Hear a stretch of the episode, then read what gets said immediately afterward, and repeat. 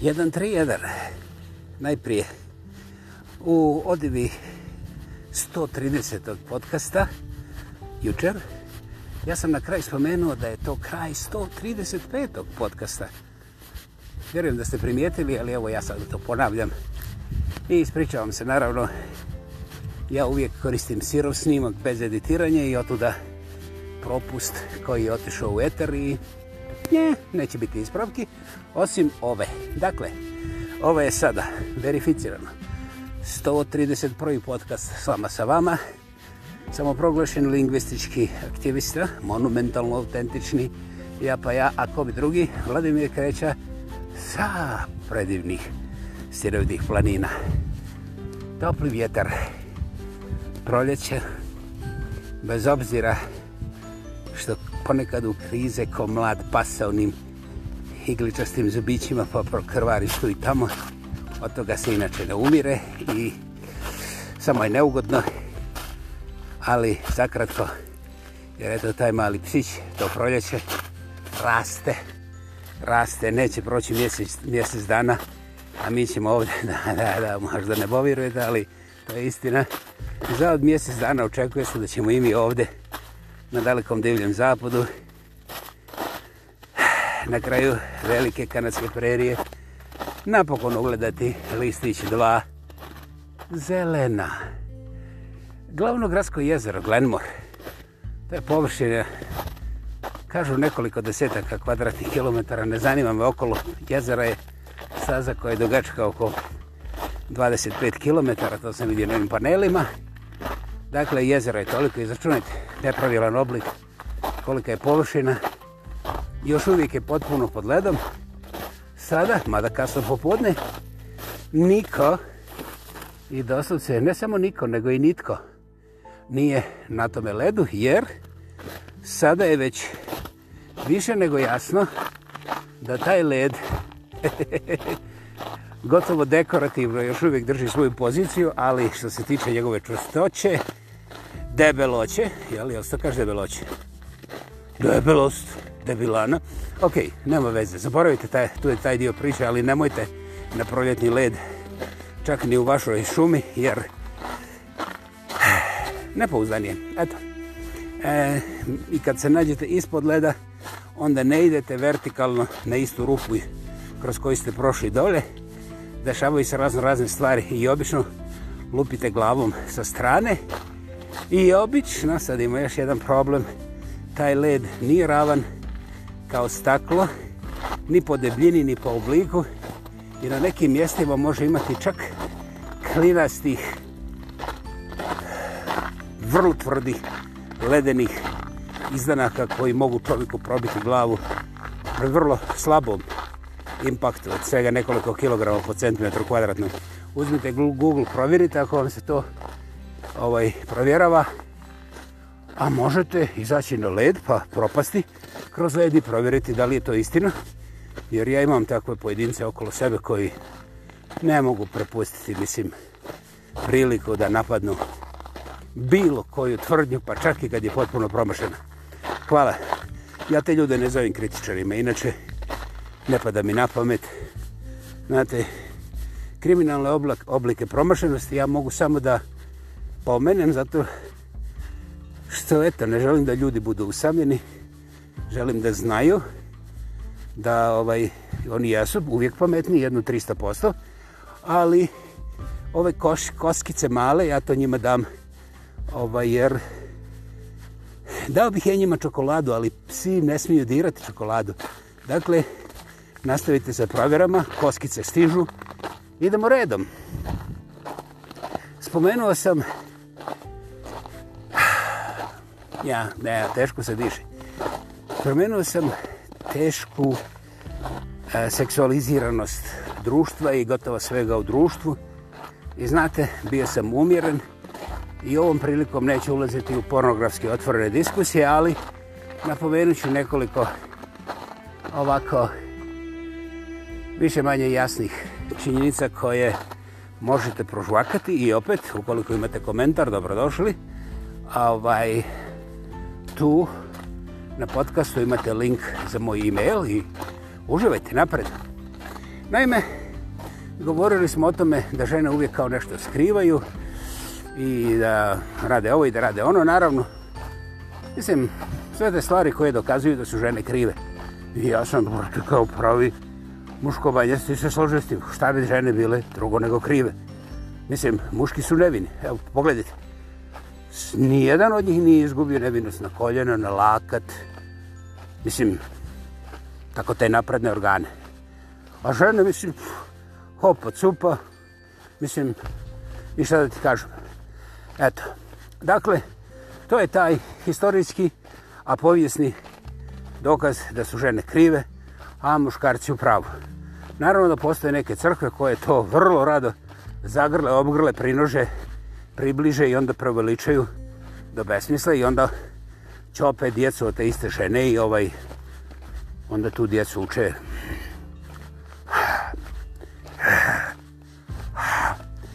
Uh, izgubio sam slova, nema, nema. Uh, možda sam izgubio i pamet, ali bože moj, šta ako je nikad nisam imao. dakle, u ovom pravcu ne moram dalje da razvijem priču, ali moram da dodam zašto su žene krive. Jer pazi ovako, kada skupiš dva muškarca, oni imaju najmanje pet ideja šta bi žene morale da ovaj, mislim, urade za njih. Mislim, ono, sa nevjerovatnim detaljima. To je najmanje pet, jer muškarci su pametni, oni mogu smisliti i 55. Bez obzira da je već ona prva bila besmislena, ali o tome ne možemo razgovarati, jer to je ženska podvola, to je ona misterija. Dakle, žene su opet krive. Niste trebali da pitate. Ja uvijek znam. Čak iz krivine, niz uzbrice, uzbrice, niz brice, ljevice, desnice, srednjice, sve redom. Ljudi oduševljaju, oduševljaju sam sebe. Kako sve znam. Dakle, ta dva muškarce znaju da su žene krive, jer eto, oni njih dvojice imaju tih Zadržimo se pet ideja šta bi žene morale da ispune jednom muškarcu, pa bi onda nekako, jeli, mogli da se dogovorimo da tu krivicu smanjimo, pa za jednu 47 generacija da smanjimo još jednom i onda onda ne znam jer tu treba prvih 1000 do 1000 godina u tom intervalu, znači od 1000 do 1000 godina treba nalaziti modus za taj drugi stupanj stepena. Onda ćemo vidjeti. Međutim, da se zadržimo ovih prvih tisuću godina, kada žene imaju šansu da smanje krivnju tako što urade pet stvari. Ne. Ono što dva muškarca smatraju na pet načina da žene moraju da učine muškarcu. Mislim, ono, da mu daju ili ovaj, da urade za njega, tako dalje, tako dalje. Problem je što ta dva muškarca, kad popiju pola piva, već imaju 55 zahtjeva i ne sjećaju se onih prvih 56.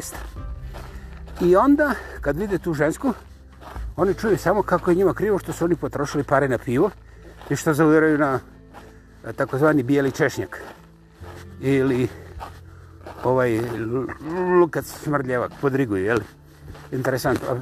To ti je dokaz da ženske imaju problema, mislim, ono, šta gledaš, šta hoćeš, mislim. E, i onda, sve u svemu, dakle, au, sad sam sam sebi stao na red.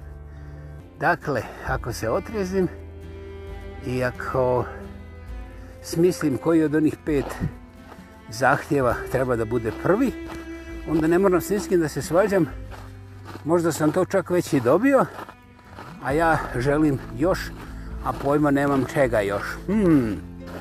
Ovo ja razmišljam kao muški, jer ženske ne bi mogli to da shvate, zato ja mogu naglas, jel? Hmm. Znači, ovo se zove e, samo kvrc. E, nisam rekao samo prc, samo kvrc. E, inače, da je samo prc, onda bi to bila masturbacija, ali masturbacija je već nešto manje više zdravo ako čovjek ne zajebava druge ljude. Ali ako zajebava sebe zato što misli da ga zajebava i druge, onda hehehehe, imamo, imamo barem tehnički problem. Zaboravimo morale jer za dobre pare nema popa koji to neće oblizati i kazati ovaj, ovako i onako. I te detalje neću da vam kažem jer to je muška tajna. Dakle, draga moja gospoda, u cijeloj ovoj priči postoji puno šupljina, ali gledano čisto sa muške strane, žene su šupljine. Boom. I eto, tako odvajkada. I onda se desi da taj isti čovjek, ju, pa ja sam taj, pređe 40-u, 50-u, 60-u, neću dalje da brojim, i ovaj, odjednom, ne mora da se okreće oko sebe, ali hoš neš, bez fakulteta, vrišti, vrišti, činjenica koja kaže znaš bez koga ne bi no, bez koga ne bi na ovaj svijet njoink nije tata iza vrata ali mama sve nevolje slama i ona je najpostojanije najduže, najiskrenije najtoplije i najsve najsve bila i ostala. Od prvog udaha, pa dok gospod Bog mi otvorio vrata, da je primi gore na nebo. Dakle, mada mi svi nismo zaljubili u svoje mame, ima ih koji o mamama razmišljaju na svoj način, Bože moj, ne bi im bio u koži, ali ipak majka je neoborivo konstanta u životu svih dvonožnih čak i muškaraca. Ja? E, dakle, bez žene ne bi bilo mene. Njoink!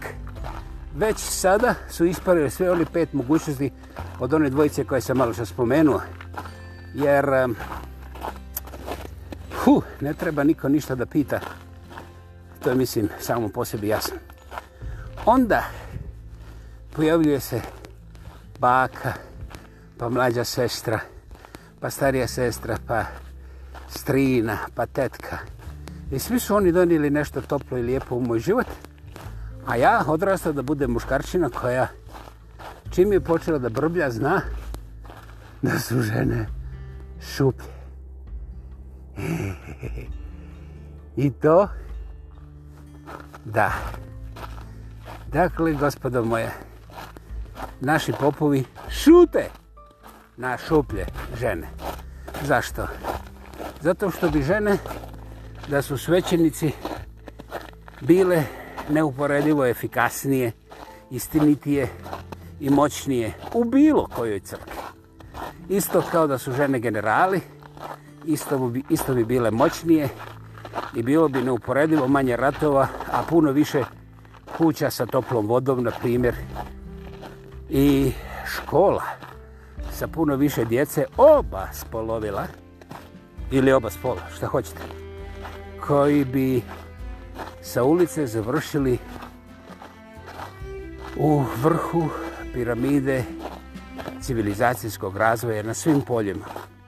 Društvene znanosti, prirodne znanosti, tehničke znanosti, duhovnosti, pa onda do beskraja. Dakle, negdje smo ozbiljno promašali kao civilizacija kompletno, I normalno, zato su žene krive. Jer da nas nisu šputale, mi bi onda trčali za ovim rješenjima, ne za ženom. Dakle, gospodo, vrijeme je, vrijeme je, ukoliko imate malo mozga, da zaboravite čak i na svoju crkvu koja uvijek ima odgovor kako je gospod ovan predvodnik i zaštitnik i da on ima pravo da bleji prije više od bilo koga iz stada i vrijeme je da primijetite da je ovan za rasplod uglavnom pretežno i hm, ne za puno više jer kada dođe vuk onda ovrovi ne trče da podmetne, podmetnu svoj vrat nego vuk odabere ovčicu koja mu se dopadne a i ti vukovi nisu glupa tocila oni odaberu bolesnu, staru ili ovcu koju je lakše ubiti. Znači, bez obzira da li ima među nogama fitilj ili nema fitilja. Dakle, vukovi, koliko god bili krvožedni, nikada nisu spolno diskriminirali, čak ni u primisli. Možda bi bilo dobro da pogledamo i druge zvijere, ali to je sada već enciklopedijska bitka, i ne pripada u podcast, ali kao ideja, vrijedi više od zlata. Pokušajte, nećete se razočarati. Dakle, da li se ja ovdje borim za ženska prava? Ne da Bog. Ne da Bog, ljudi. Žene me nisu pozvole da ih branim. Nikada, čak i kad sam mogao nešto da odbranim. Pogotovo ne danas, kad sam krezup star, nepokretan, jedino mi se jezik još vrdula, vrdula vr, vr, vr, vr, vr, vr, Evo, vidite, vidiš, ne mogu da pričam kako treba. Ja sam ovako 1 do 1,7 koraka od svog vlastitog groba i ja sam presetan što mi jezik, ovaj, mislim, palaca, lijevo desno, a ovaj, tako da ja ne mogu da štitim ni sebe, a kamoli neke žene, međutim, ja i takako mogu da kažem da u mome takozvanom muškom iskustvu, je bilo jednostavno apsolutno nedozvoljeno previše modeliranja, šabloniziranja i utucanja u uvjerenja koja u prirodi nikada nisu imale uporište posebno, to sa ženama. Žene okolo ne idu sa našiljenim hormonima kako nekoga da upecaju, a što se tiče te našiljenosti, imamo je svi i ona, nikad, ona, se, ona se nikad kod dvije individue, bez obzira koji životinski svijet, ne nalazi precizno u istoj točki. Znači, nivo tih hormonalnih mučkarija koje nas navode da prostiš na te brzobrazne stvari, uu, sramota, ne smijem reći, ovaj, se nikad nalazi, ne nalazi u apsolutnoj podudarnosti, nego postoji zona. Nećemo o tome, jer to je za stručne endokrinologe kao broj 1, što većina ljudi ne razume čak. A vrlo školovani liječnici koji nisu endokrinolozi ne mogu ni da vam pročitaju nalaz iz laboratorija kada dođe stanje vašeg hormonalnog stanja ili diagnoze. Dakle, ovo je vrlo važno, to sam ja naučio kasno u životu, ovaj, ali mi je drago što sam naučio. Dakle, ako hoćete da provjerite šta vam se dešava sa hormonima, onda morate razgovarati sa iskusnim specijalistom endokrinologom koji će tražiti specifičan test iz laboratorija i tek onda budujete da je taj endokrinolog dobar, vi ćete dobiti pravu sliku o čemu se zapravo dešava. I to je vrlo, vrlo važna stvar koju ne možete prepustiti nekom polupismenom. I to je upravo ono što 99,100% ljudi koje ja znam čini. Šta? E, ljudi, ostavite moju matematiku meni. Vi kad nađete bolje rješenje, javite, ja ću to možda i objaviti. A možda neću ako mi se ne svidi, šta ja znam. Međutim, ovu činjenicu je teško boriti. Aha, u realnom životu. Pokušajte. Ovaj, I to je ono što sam rekao na početku. Seksualiziranost, seksualiziranost našeg društva je podignuta do besmisla početkom industrijske revolucije i u tu zamku ne da smo upali, nego smo je nametnuli na sebe kao jedinu moguću realnost u kojoj treba živjeti i onda normalno kao ovnovi svaki, svako brvno u životu vidimo kao šansu da onog njihovog ovna puknemo i da ga smjestimo dolje u onu provalio ispod toga brvna. Dakle, ta seksualiziranost, ta napaljenost je permanentna afektoza koja nas vodi do ratova i ekonomskog besmisla, naravno zamagljujući naš racio i samim tim eliminirajući bilo koju oštrinu našeg stvarnog intelektualnog potencijala. To vrijedi za vas pametne i za mene ovakvog kakav baš i nisam pametan, ali ja sam lep, mlad, plav, nepogrešiv i skroman, pogodili ste.